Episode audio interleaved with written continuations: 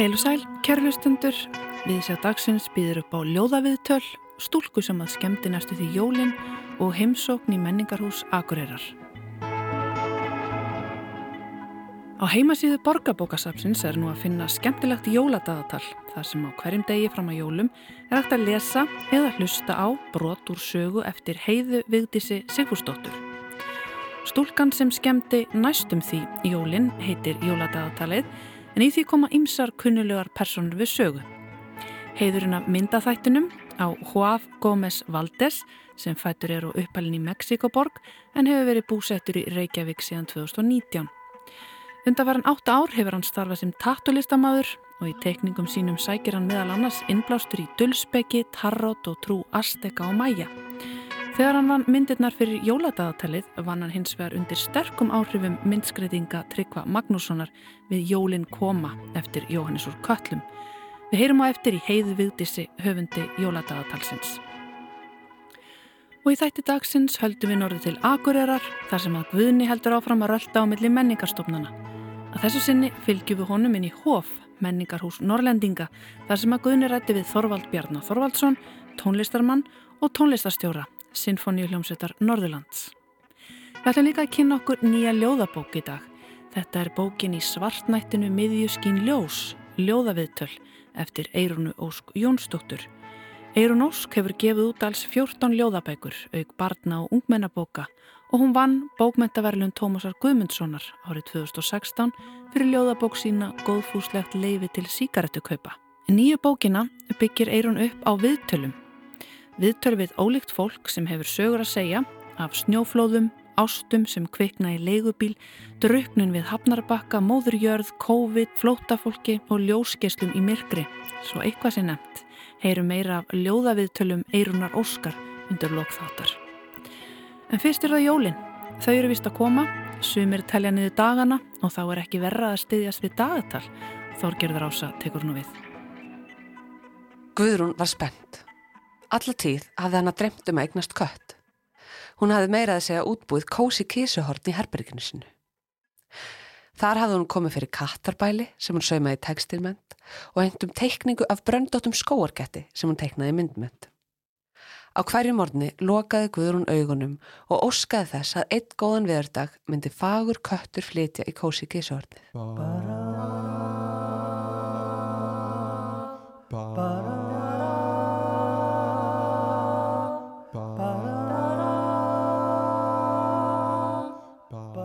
Er sæl og velkomin í Víðsjá heiða Vigdís Sigfúsdóttir. Takk fyrir. Þú skrifaðir jóladagatal borgarbókasapsins. Já, þetta er svona jóladagatal borgarbókasapsins og bókmæntaborgar í ár og þetta er stúlkan sem skemmti næstum því jólinn. Meit.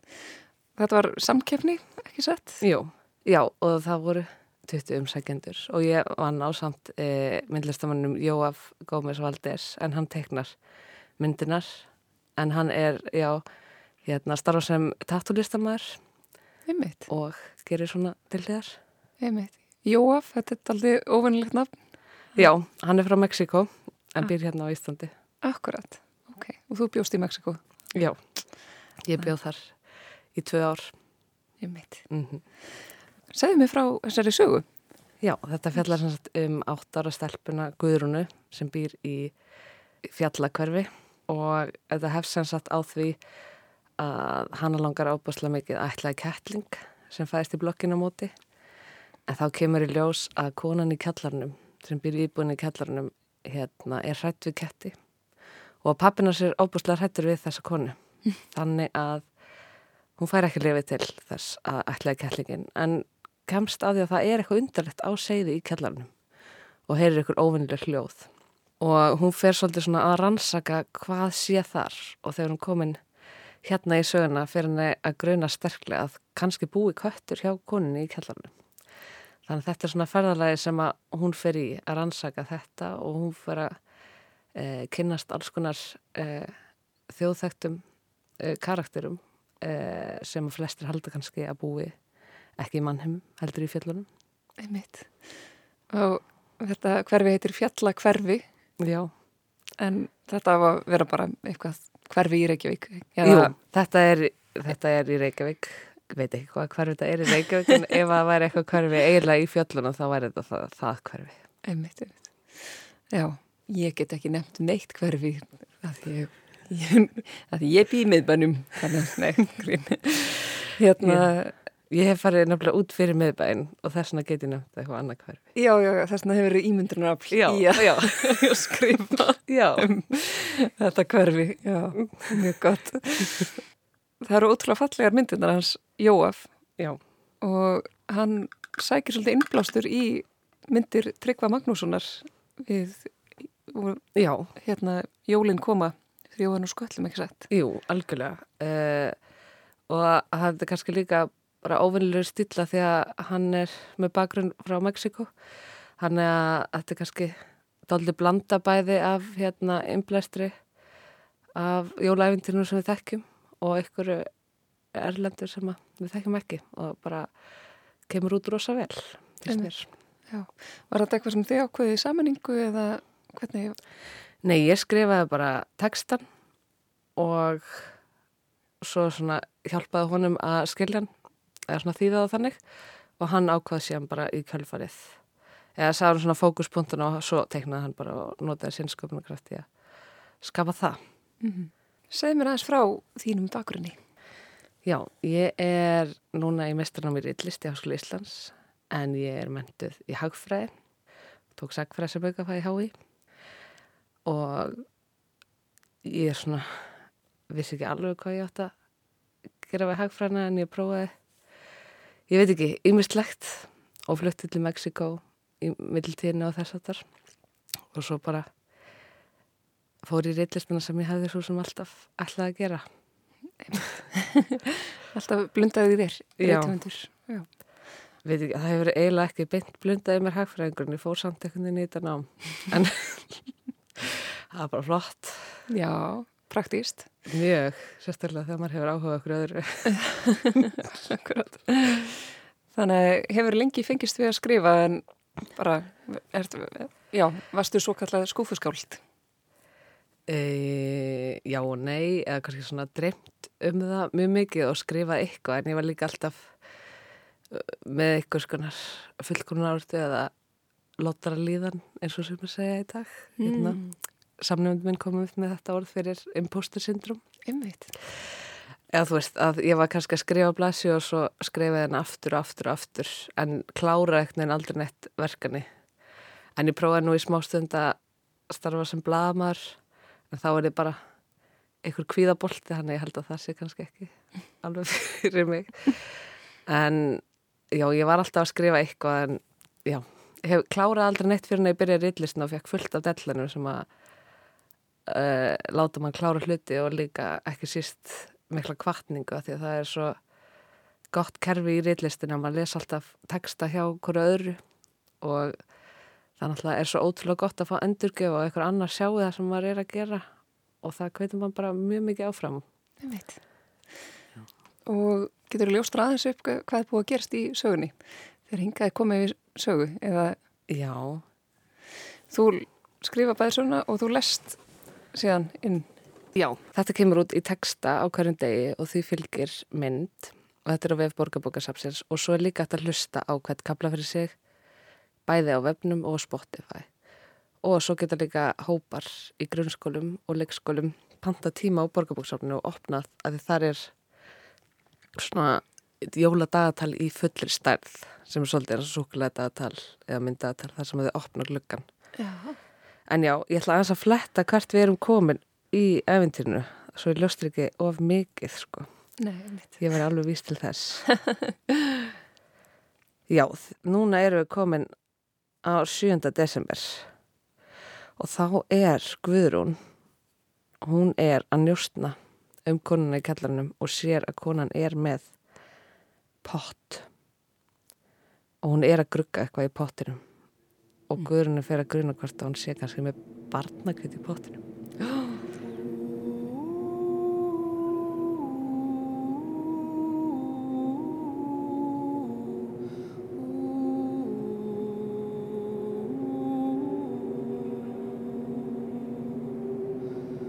En hún er ekki alveg viss, þannig að hún þarf að flýja og passa að konan náir sér ekki. þetta er kannski daldið ókveikandi á, á köplum. Já, þetta er mjög hræðilegt. Og það er markmið að allir verið dáldur hættir og skemmtir sér dáldur mikið Mm. fyrir jólin og því að fullur af fólk líður oft hann fyrir jólin. Heldur það ekki? Að það er í hræðslu. Eitthvað, sko, það er, er allir smá hrættir eða kvíðnir að þannig í desember, Já, eða það ekki? jú, ég, ég held að það sé mikið til í því. Já, hvernig, hérna, já. Hvernig kvíði, kvíði í lofti, Já, jólakvíði. það er svona smá gjafakvíði og jólakvíði og prófakvíði og alls konar svo vonandi kemst komast flestir yfir það og geta haldið heilu jól og, og svona setna í sögunni fyrr einn sannu jólandi kannski eitthvað að skrýða inn í söguna Einmitt. Já, þessir, þessar fígrúr úr, eftir úr fornesku sem að þú ert daldið að nýta þér. Já, Leppur og skreppur hafa allavega verið nafngreindir þarna og það er svona, já, já, það eru ákveðinni teikna lofti um að, að hérna, þetta sé, þetta jólahíski sem að það eru teiknulofti gríla og fleiri, kannski, kannski, maður veit það ekki. Kemur í ljós. Já, Guðrún veit það ekki. Nei, hún heldur þetta heldur kannski. Já, það getur verið ímislegt sem það getur verið að. Já, en einmitt kannski geta þau nýst til þess að sem eitthvað skonar persónu gerfingar fyrir tilfinningar kannski okkar í dag, áflegt. Já. Já, einmitt. Þetta er allavega tímalust ævintýri frá Jóhannes og Göllum þannig að það er nú fleiri að endurskapa þær fígurur fyrir jólinn eins og hérna koma jólinn Einmitt, bókin akkurat.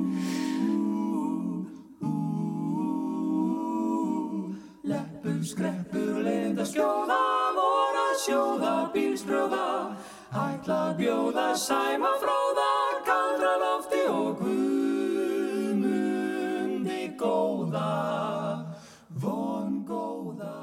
Komið í hingað börnin mín, söng konan hástum komið hingað öll til mín, ykkur vilja bjóða. Hjælt hún áfram rámri röddu Leppur, skreppur, lápur, skápur, langleggur og skjóða.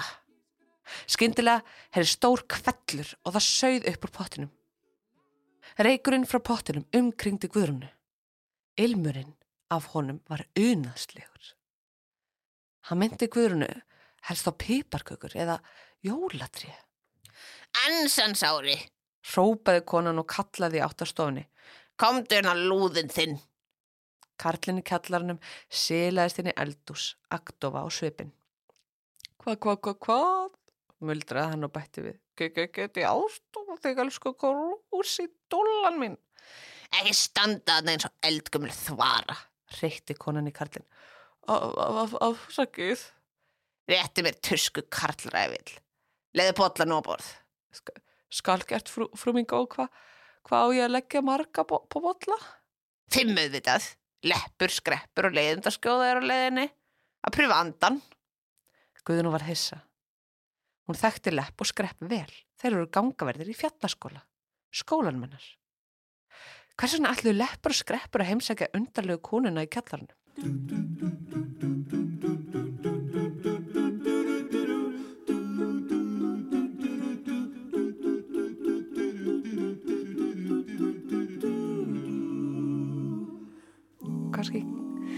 Geta gríla og leppalúði og þeirra, þeirra hiski ný, nýst bæði ungum sem öldnum í, í svona þeim erfiðu tilfinningum sem geta fyllt jólunum. Já, algjörlega. Og það er líka stundu bara gott að fá útrás á erfær tilfinningar í skálskap. Einmitt. Nú erum komin mjög djúft í, í tólkuna á jólandagatali fyrir, fyrir börn en ég, hérna, ég held að bæði ungir og aldnir hafi gaman að því að annarkvort lesa eða, eða hlusta saman á Og þetta er náttúrulega fyrst og fremst, er þetta náttúrulega afþreying akkurat. eða hvað?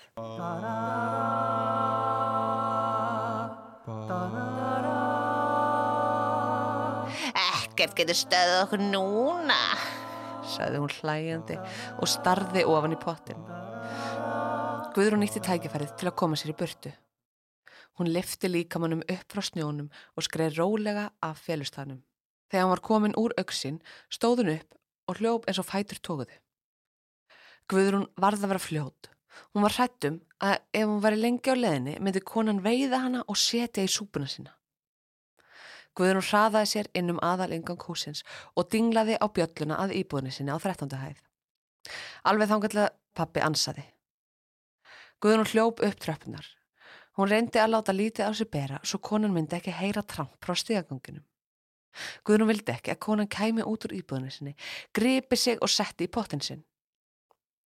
Guðrún gatt anda léttar þegar hún kom loks inn í íbúðina sína á 13. hæð. Hvar hefur þið verið, Guðrún mín? sagði pappi áhyggjufullur. Konan í kallanum borðar börn. Fyrst veiður hún börn í pókan sin og setur hún þau í súpu. Rópaði Guðrún og kvislega. Við verðum að læsa hörðinni, við verðum að vara alla við og við verðum að flytja burt og, og, og konan á líka risa, risa stóran kött. Hvað bull er þetta, Guðrún? svaraði mamma. Hvað varst að gera barn? Rópaði pappi. Ég var bara aðeins að njóstna, kjökraði Guðrún. Þú, þú, það þættuleg. Tautaði pappi sem virtist vera við það að missa máli af hræðslu. Þá þig, kvíslaði hann. Nei, pappi, ég held hún hafi ekki séð mig. Jók, sagði pappi. Þar skal hurðnar í hælum.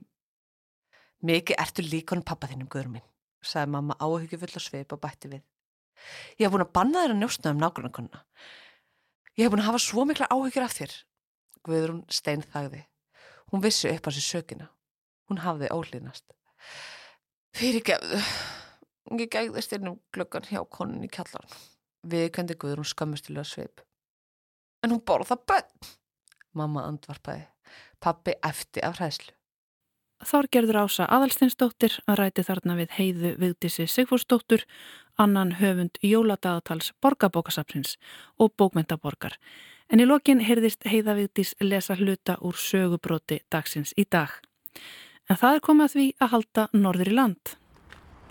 Síðustu vikur höfum við hér í Víðsjá verið að skjótast með hlustendur melli menningastofnuna í höfustar Norrlands á Akureyri. Í síðustu viku heimsóttum við samkómuhúsið og rættum leikhúslífið hér við Mörtu Nordal, vikuna þar á endan var það listasafnið á Akureyri og sapstjárið þar, Linur Hallsson. Nú komum tónlistinni.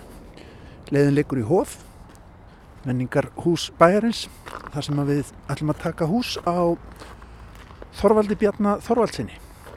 Ræða tónlistalífið, upptökumál til dæmis hér á Akureyri verið að taka upp alls konar tónlist fyrir alls konar kvikmyndir og slíkt. Það er Symfónia Nord sem að gera það. Og svo er hér líka starrækt Symfóniu hljómsveit Norðurlands. Það er tónlistarskóli í húsinu og svo framvegs. Kíkjum inn í hof og ræðum við Þorvald Bjarnar Þorvaldsson.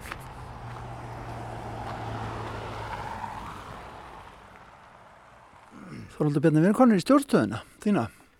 Já, við erum konið í stjórnstöðuna, kannski ekki mína, Ekki þína, en, en- en þetta, er, þetta er hluti, semst, Symfónia Nord er verkefni Symfónihljómsveitar Norðurlands í samstarfi við Alla Örvason og Inni Músík og hér erum við búin að vera í, í fimm ára að, að leika inn á eh, kvikmyndir heimsins og tölvuleiki, ekki síst tölvuleiki og svo hluta af verkefninu er að síðan erum við að spila sem symfónihljómsveit hjá öðrum uh, erlendum uh, tónleikahöldurum eins og til dæmis núna þegar Andrea Bocelli kemur og þá er það symfónihljómsveit Norðurlands eða Joker Live to Film eða mm. Lord of the Rings og, og svo leiðis.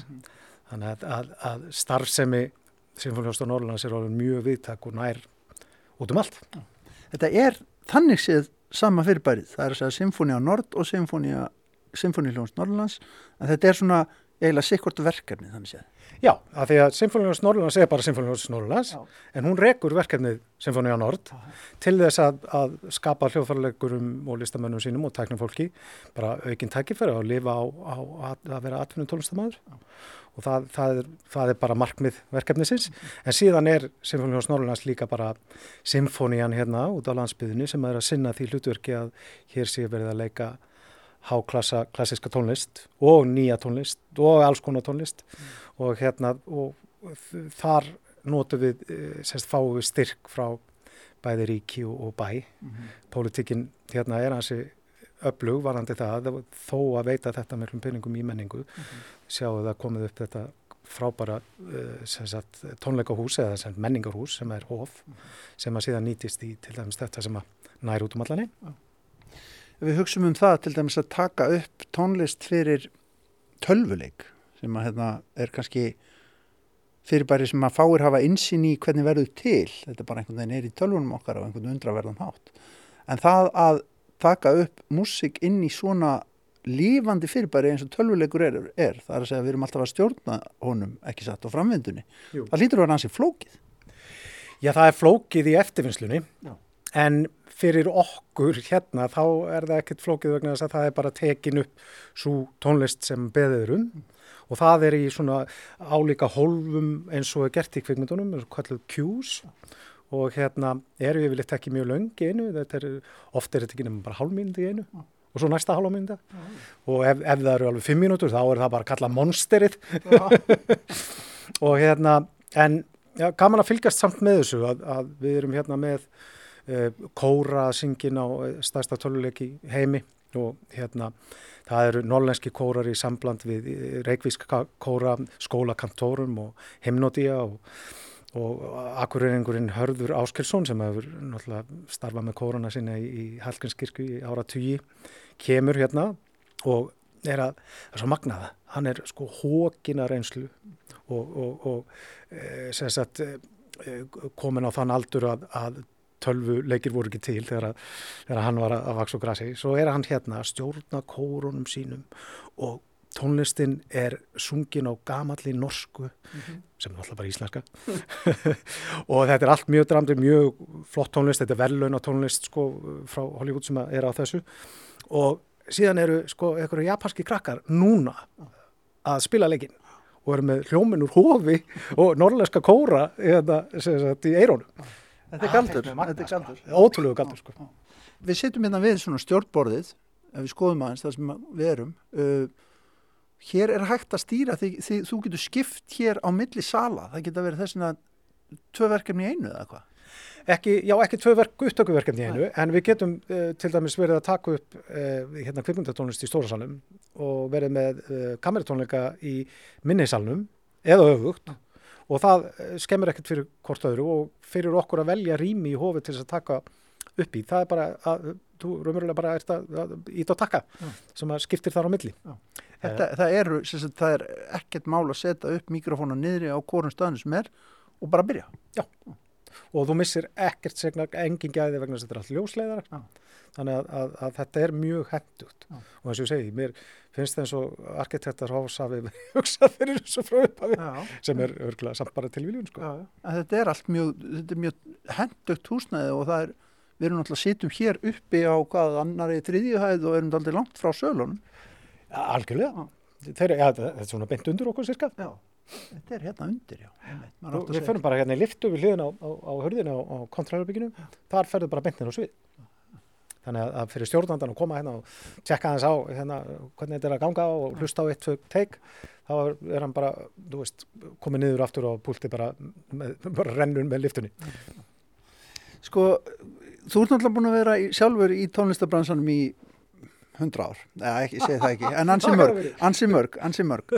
Uh, hvernig hérna, þú veist, að koma hinga norður, það er örðin nokkur ár síðan og þetta komst hinga norður í þetta verkefni, en hérna, þetta er alltaf, sko ert þú sjálfur þá búin, ert þú hér upptökustjóri allar daga eða eru er það hinnir ímsu sem að hinga koma til þess að taka upp?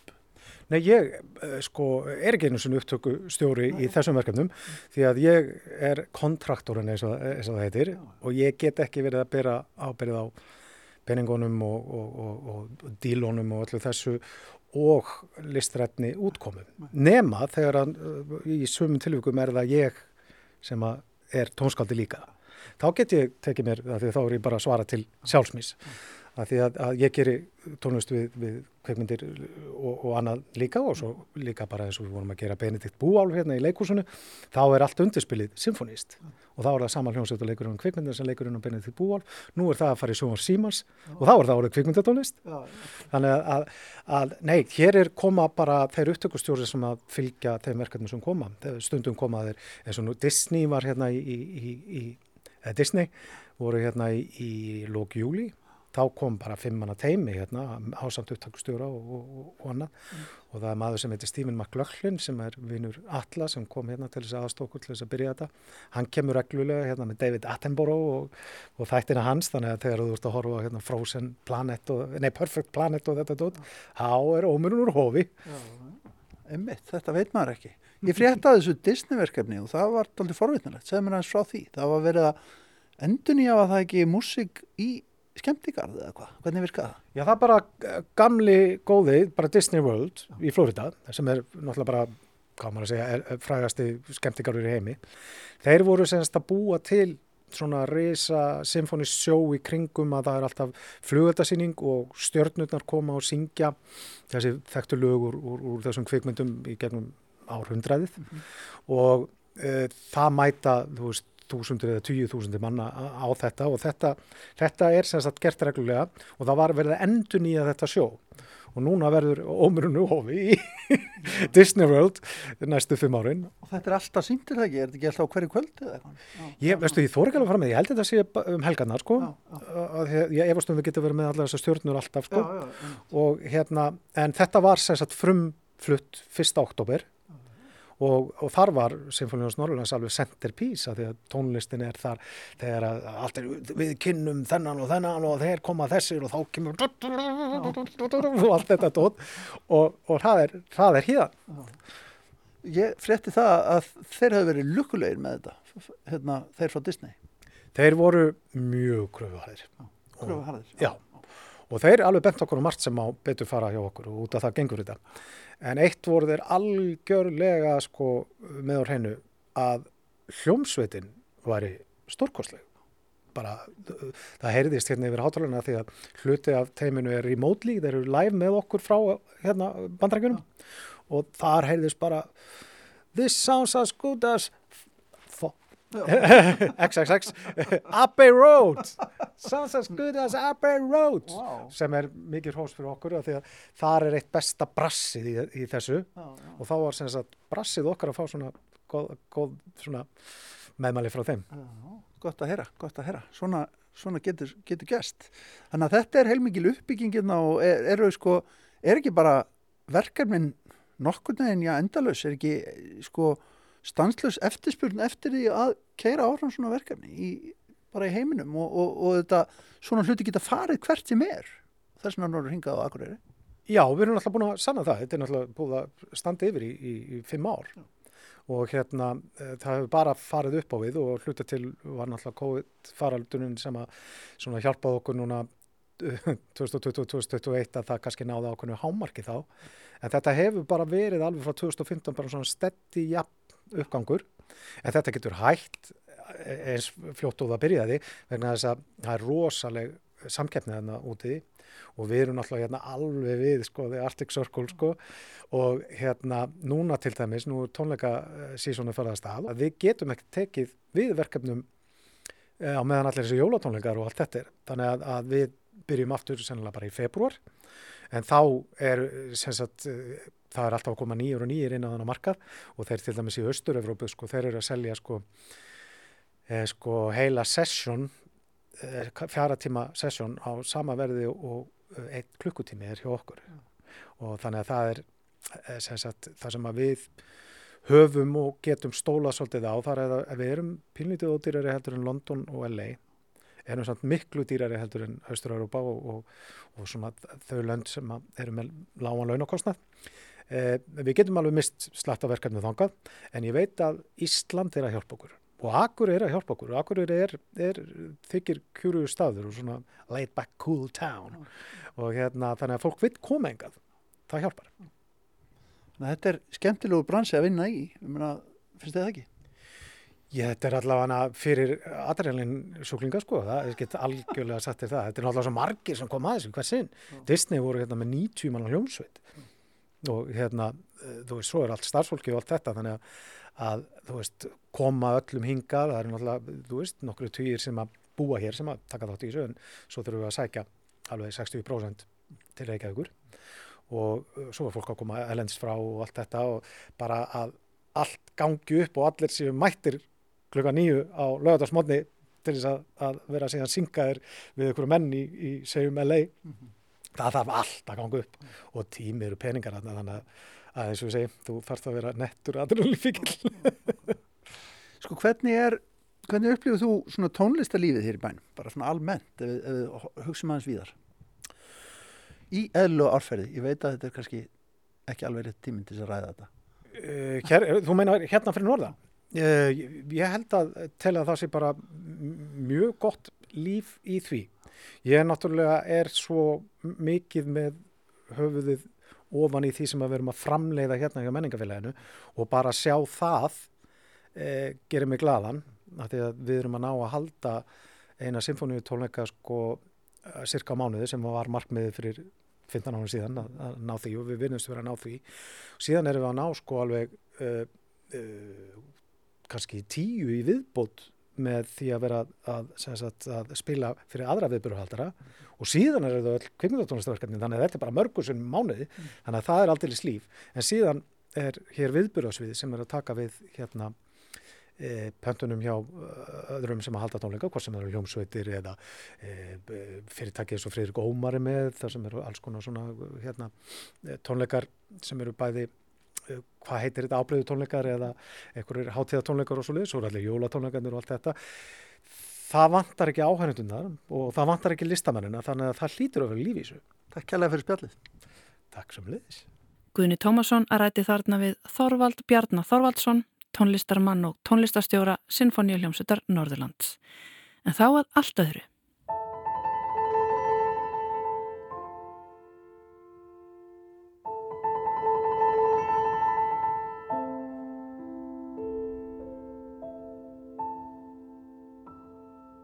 Ætlum að ræða hér næstu mínúturnar nýja ljóðabók sem að Bjartur var að gefa út. Þetta er bókin í svartnættinu miðju skín ljós, ljóðaviðtöl eftir Eirunu Ósk Jónsdóttur. Eirun Ósk út sína fyrstu ljóðabók árið 1997 en þær eru orðnar 14 í dag. Hún vann bókmyndavelun Tómasa Guðmundssonar árið 2016 fyrir ljóðabók sína góðfúslegt leifi til síkaretukaupa. En auk þess að skrifa ljóð þá hefur Eirun einnig skrifað barna og unglingabækur og hún á einnig að baki feril sem er leikari og leikstjóri. Vertu velkomin í vísi á Eirun. Þakka að kjallega fyrir. Fjölbreyttur ferill og, og mikil reynsla bæði úr kennslu og leikhúsi og þessi reynsla úr leikhúsinu nýtist hún ekki vel í riðstörunum eða hvernig fyrir það saman? Jú, algjörlega og ég upplifir rosa mikið að þetta, þetta að vera að skapa að það, þetta er í rauninu verið alltaf sama ferlið og, og mér finnst einhvern veginn svona eitt kveikir í öðru og svo framvegis. Þannig að þetta helst allt í hendur og hérna þannig að þú veist þetta stundum að vera að leika, stundum að vera að skrifa, ég stundum líka að mála og, og gera klippi myndir en bara einhvern veginn öll sköpuna er það sem að bara heitla mig. Þú stemdir uppalega, ég sá að þú lærði leiklist bæði Englandi og Spánu og stemdir uppalega á leikhúsið en svo hefur reitlistin greinlega tókað í þig. Já, og byrjaði ymmit í náminu, sko, því að hérna, ég lærði sem sagt evrópska leiklist og þá vorum við að læra þetta svolítið eins og eina hild, það sem að, þú veist, við, við stökkum inn í það líka að vera hérna, búið til sviðsmynd og búið til búninga og, og hérna, og allt þetta og síðan þegar við vorum að, að spinna og, og vinna með texta, þá fann ég að það var eitthvað sem að alltaf, já, drómi meir og meira til sín og, og hérna, og ég hef í raun og verið bara verið alltaf skrifandi bara frá því að ég var krakki þú veist, ykkur ljóð og einhver, einhverjar sögur og, og, og svo framvegis Það er alltaf magnað að hugsa af hverju hvaðan svo þörf kemur, finnst þetta ekki? Jú, algjörlega og ég hérna, og mér finnst svo merkilegt að því að þú veist, það er oft sem fólk spyr hvar finnur þú tíma til að skrifa og ég hugsa þetta alltaf öfugt sko, hvernig, þú veist, gæti ég einhvern veginn ekki verið að skrifa því að þetta er einhvern veginn svona ég, ég stundur lísti þannig að mér finnst stundum eins og ljóð og, og, og sögur og þau svona ráðist á mig og það er bara þau láta mikið friði þegar einhver hugmynd kviknar sko. Mm Hugmyndir kvikna, segð mér frá þessari hugmynd hérna. Þetta er engin venjuleg ljóðabók, þetta er öðru sem þú er áður gert og, og uh, ljóða viðtöl. Ljóð koma oftast úr reynsluheimi þess sem að skrifar, en það á alls ekki við hér. Hér koma ljóðin úr öðrum reynsluheimi. Já, og hérna þetta, hugmyndi kviknaði upplulega þannig að ég var á hérna fundi, ég var á kvennafundi og það var kona sem að var að deila já, mjög persónlegri reynslu og ég hérna fer svo eitthvað heima þessum fundi og, og er bara þessi saga hennar læti mikið friði og svo allt í einu hefur þetta ljóð sagt, um hennasögu bara orðið til. Ég hafði samband við hann aftur á Facebook, bara þetta snart mér rosa mikið, ég gerði þetta ljóð, sendi henni þetta sko og spurði hvort ég mætti nýta það áfram ef, að, ef að ég ætla að hérna, gefa út ljóðabók og svona og þá fekk ég þess að hugmynd hvað er maður myndi bara hlusta á sögur fólks og, og, og hérna og láta það vera kveikjan af einhverju. Þannig að þá okkur neginn tók ég þessa ákvörðun og hafiði samband við, fyrst byrja ég að hafa samband við fólk alveg bara í mínu nánasta ring sko sem að ég vissa hafiði ákvæmna sögur og svo okkur neginn fór maður að verða eins og maður segi djarfari og bara hafa samband við fólk og heyrðu má ég taka viðtal við þig án þess að vita nokkuð þú veist hvaða sögum að vera að fara að fá út úr því. En, en hvað var það sem að kveikti þér að nálgast ákveði fólk? Um, já, svo ég segi, þetta byrjaði þannig að, hérna, að, að ég vissi að ákveðni einstaklingar átti ákveðna sögu sem ég langaði að fá. En síðan þegar ég hafa búin að gera það í smá tíma að þá okkur neginn stegi bara úti og erði, ég ætla bara að hafa samband við einhvern og, og þú veist, og, þa og það var mjög spennandi að því að það okkur neginn vissi maður ekkert endilega hvaða saga myndi fæðast og það er svo magnað í samræðum við fólk einhvern veginn hvernig, þú veist, ef að þú virkilega gefið það einlægni í samræðum við eitthvað, hvernig það kemur alltaf eitthvað ótrúlega magnað því að það eiga allir eitthvað að klikka að sögu, sko. Það er mikið að klikka um sögum í þessari bók. Já. Og þetta er svona, það er allur tilfinningaskalinn, það er mikil sorg og það er mikil gleði, það er dauði og það er líf, en það er líka hverstasleiki, þetta er þarna allur skalinn. Já, og hérna, ég rætti við fólk um tilfinningar, þú veist, átti ykkur að minningar, þú veist, sem tengja sorginni eða átti ykkur að minningar sem tengjast gleðinni og hérna, einhvað sem tengjast óttanum og þá, svona, emis, komið þessa sögur og mikið fram, sko, en hérna, Þau eru mörg ljóðin þarna eru byggð á erfiðum lífsreynslum. já, einmitt. Og það var, það myndaðist, einmitt í samræðunum, myndaðist mikið að tilfinningum þar sem að, þú veist, við vorum stundu bæði með tárun í augunum og, og hérna, mér var mjög andum allan tíman að það erði samþyggi fyrir öllu. Þannig að, þú veist, það væri, það var ekki bara ég að hlusta og svo búin að setja eitthvað ljóð og svo kemur allt inn í bók, sko, heldur var þetta alveg, þú veist, hérna, og fólk kom stundum með tilugur að, að vildi láta taka eitthvað út eða bæ- bæta ykkur inn, sko. Mér langaði að byrja um að lesa hérna fyrir mig eitt ljóð um, og kannski segja mér frá því. Heim, Pól, þú er mitt sko, það eru titlar á ljóðunum og svo eru nöfn viðmælanda. Akkurat.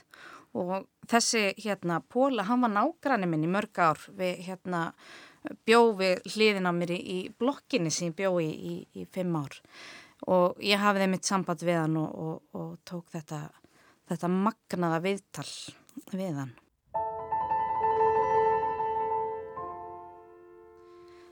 Heim, Pól. Harðneskjan skein úr augum lögreglumannsins sem bankaði upp á, röttin héluð, orðin miskunnarlaus.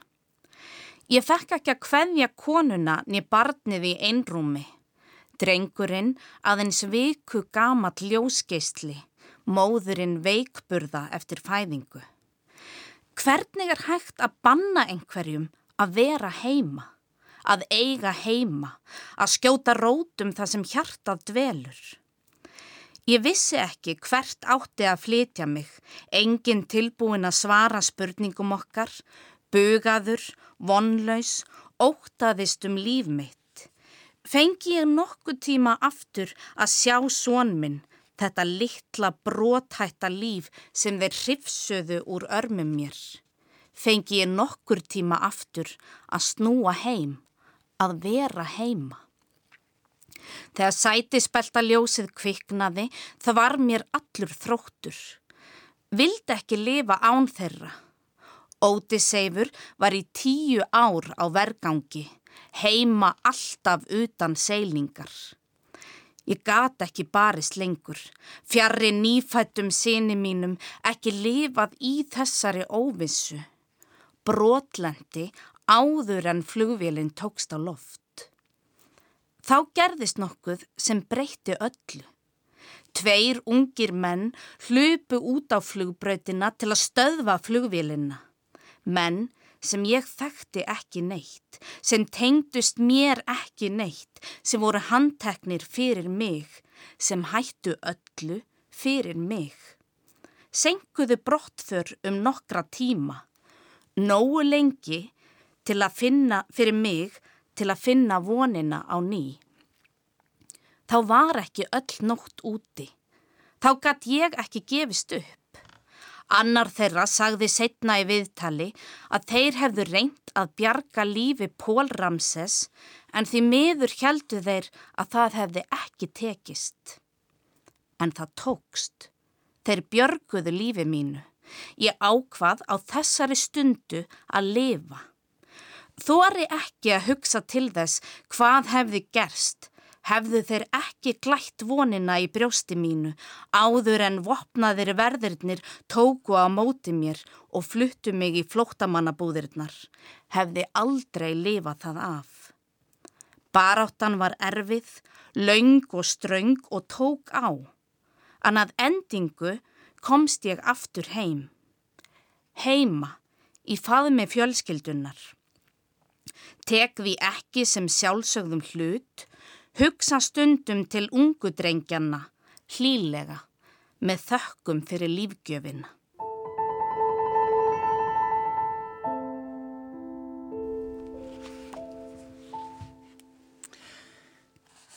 Þú ert að yrkja um sko tilfinningar og tímalegs efni en svo talar líka beintin í samtíman og þetta eru þetta saga sem að mörg okkar þekkja. Já, einmitt. Og svo magna sko þegar maður hugsa til þess að síðan voru þessi, þessi börn, þessi börn hans, voru krakkandi sem komið til að banka upp á hjá stráknu mínum og, og voru bestir vini hans meðan við byggum þarna sko. Og hérna og svo snertið mér svo ofbóstlega þetta hvað við áttum okkur ekki oft á þú veist hvaða áhrif við erum að hafa fólk. Þú veist við höldum kannski við erum að reyna eitthvað eins og þarna að hérna, annar þessari drengja sem hljópa þarna út á út á flugbröðina, sagði þetta í viðtali, þú veist, okkur mistókst. En hann upplifir þetta ekki þannig. Hann upplifir að þeir hafi bjarga lífans með þessu. Mm -hmm. Þetta auðvitað ekki verið auðvelt viðtal?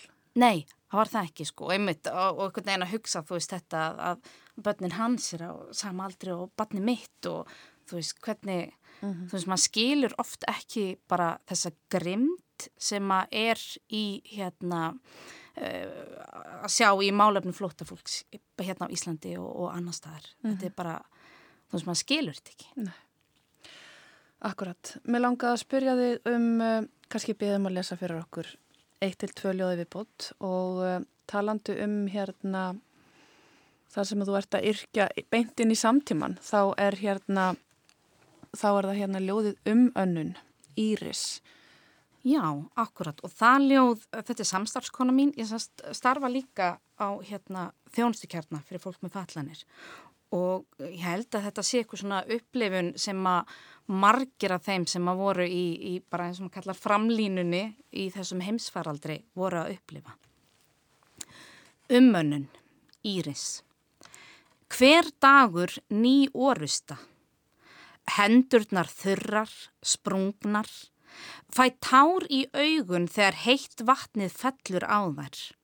Sviðin, sársökin, gríp andan á lofti. Nú skal vígbúast enn eina ferðina. En að mér læðast lúmskar evasendir, þreitan farin að segja til sín. Finnst ég einfaldlega vera að bugast. Verkefnin hrannast upp, Samkomubannið leggst þungt á þau, rútínan verið haldreipi í tilverunni. Óttinn þrýstir á brjóskassan, hrætt við kittlið í hálsinum, stinginn á bakvið gagnaugað, þreytuna, vöðvabólguna, beinverkina. Hrætt um að bera sóttina óavitandi inn fyrir þröskuldin. Þau berskjölduð trista mér fyrir lífi sínu, eilíf tókstreita að hlúa að þeim sem minnst meiga sín, sinna þeim þegar nóttin er svörtust, en gæta þessum leið með öllum tiltækum ráðum að bera ekki óværuna til þeirra. Tilhugsunin um að umhyggja mín geti orðið þeim að bana, óbærileg. Brotna niður á leið til vinnu, græt, herlúðarnir óma, svo höldu við áfram. Þetta er auðvitað reynslega eins og þú segir sem að þú sjálf kannast við hafandi starfað á þjónustukjarna með fölluðum í framlínunni. Já, akkurat. Þegar var kannski eins og maður segir tíu manna samkomiðbann og, og engin orðin bólusettur og, og, hérna, og eins og þetta þegar maður var, hérna, þetta var í alvar á tímabili hérna, alveg í byrjun sem að þú veist, maður bara táraðist í hver skipt sem maður var að þóa sér um hendur og spritta því að, þú veist, maður var komin ofan í bara, þú veist, ofan í kviku, sko, það var, hérna, öll húðin sprungin og, og hérna, mm -hmm. og það bara, bara, bara sveið undan því að, að þóa sér um hendurnar, sko. Magnað. Já. Í svartnættinu miðju skín ljós, segðu mig frá sem titli og kannski við fáum að enda á einu ljóði í lókin þar sem að þessi titill kemur fram og svona, já, hann ável við þessa bók, þessi titill. Já, akkurat. Að, þetta er semst úr ljóði sem að ég samtum að pappa minn.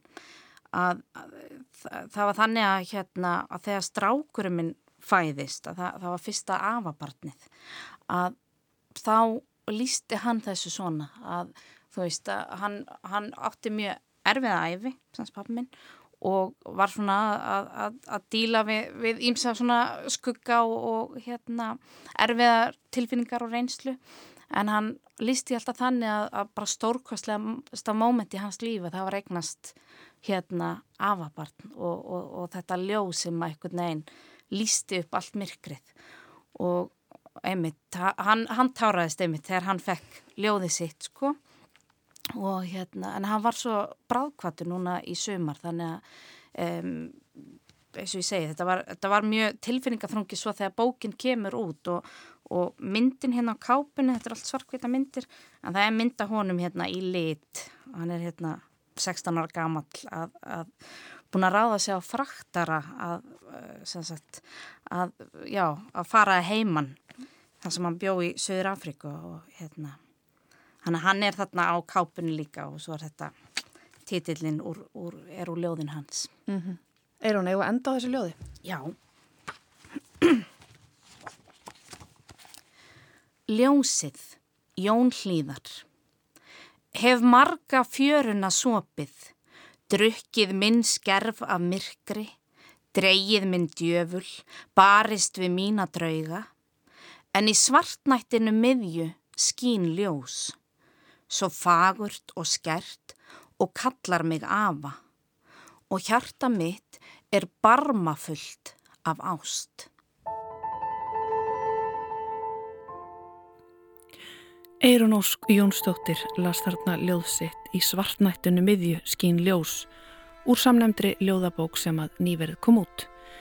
Það steytist í leiðarlók hér í Víðsjá dagsins en eh, fyrst finnum farin að ræða jólinn þá er kannski við hæfi að enda þáttin í dag á gömlu katalónsku jólalagi. Þetta er lag sem að selvoleikarin Pau Casals gerði frækt í selvoútgáfu sinni. Candels og Sels kallast lagið á katalónsku eða Söngur fugglana. Takk fyrir að hlusta og verið sæl.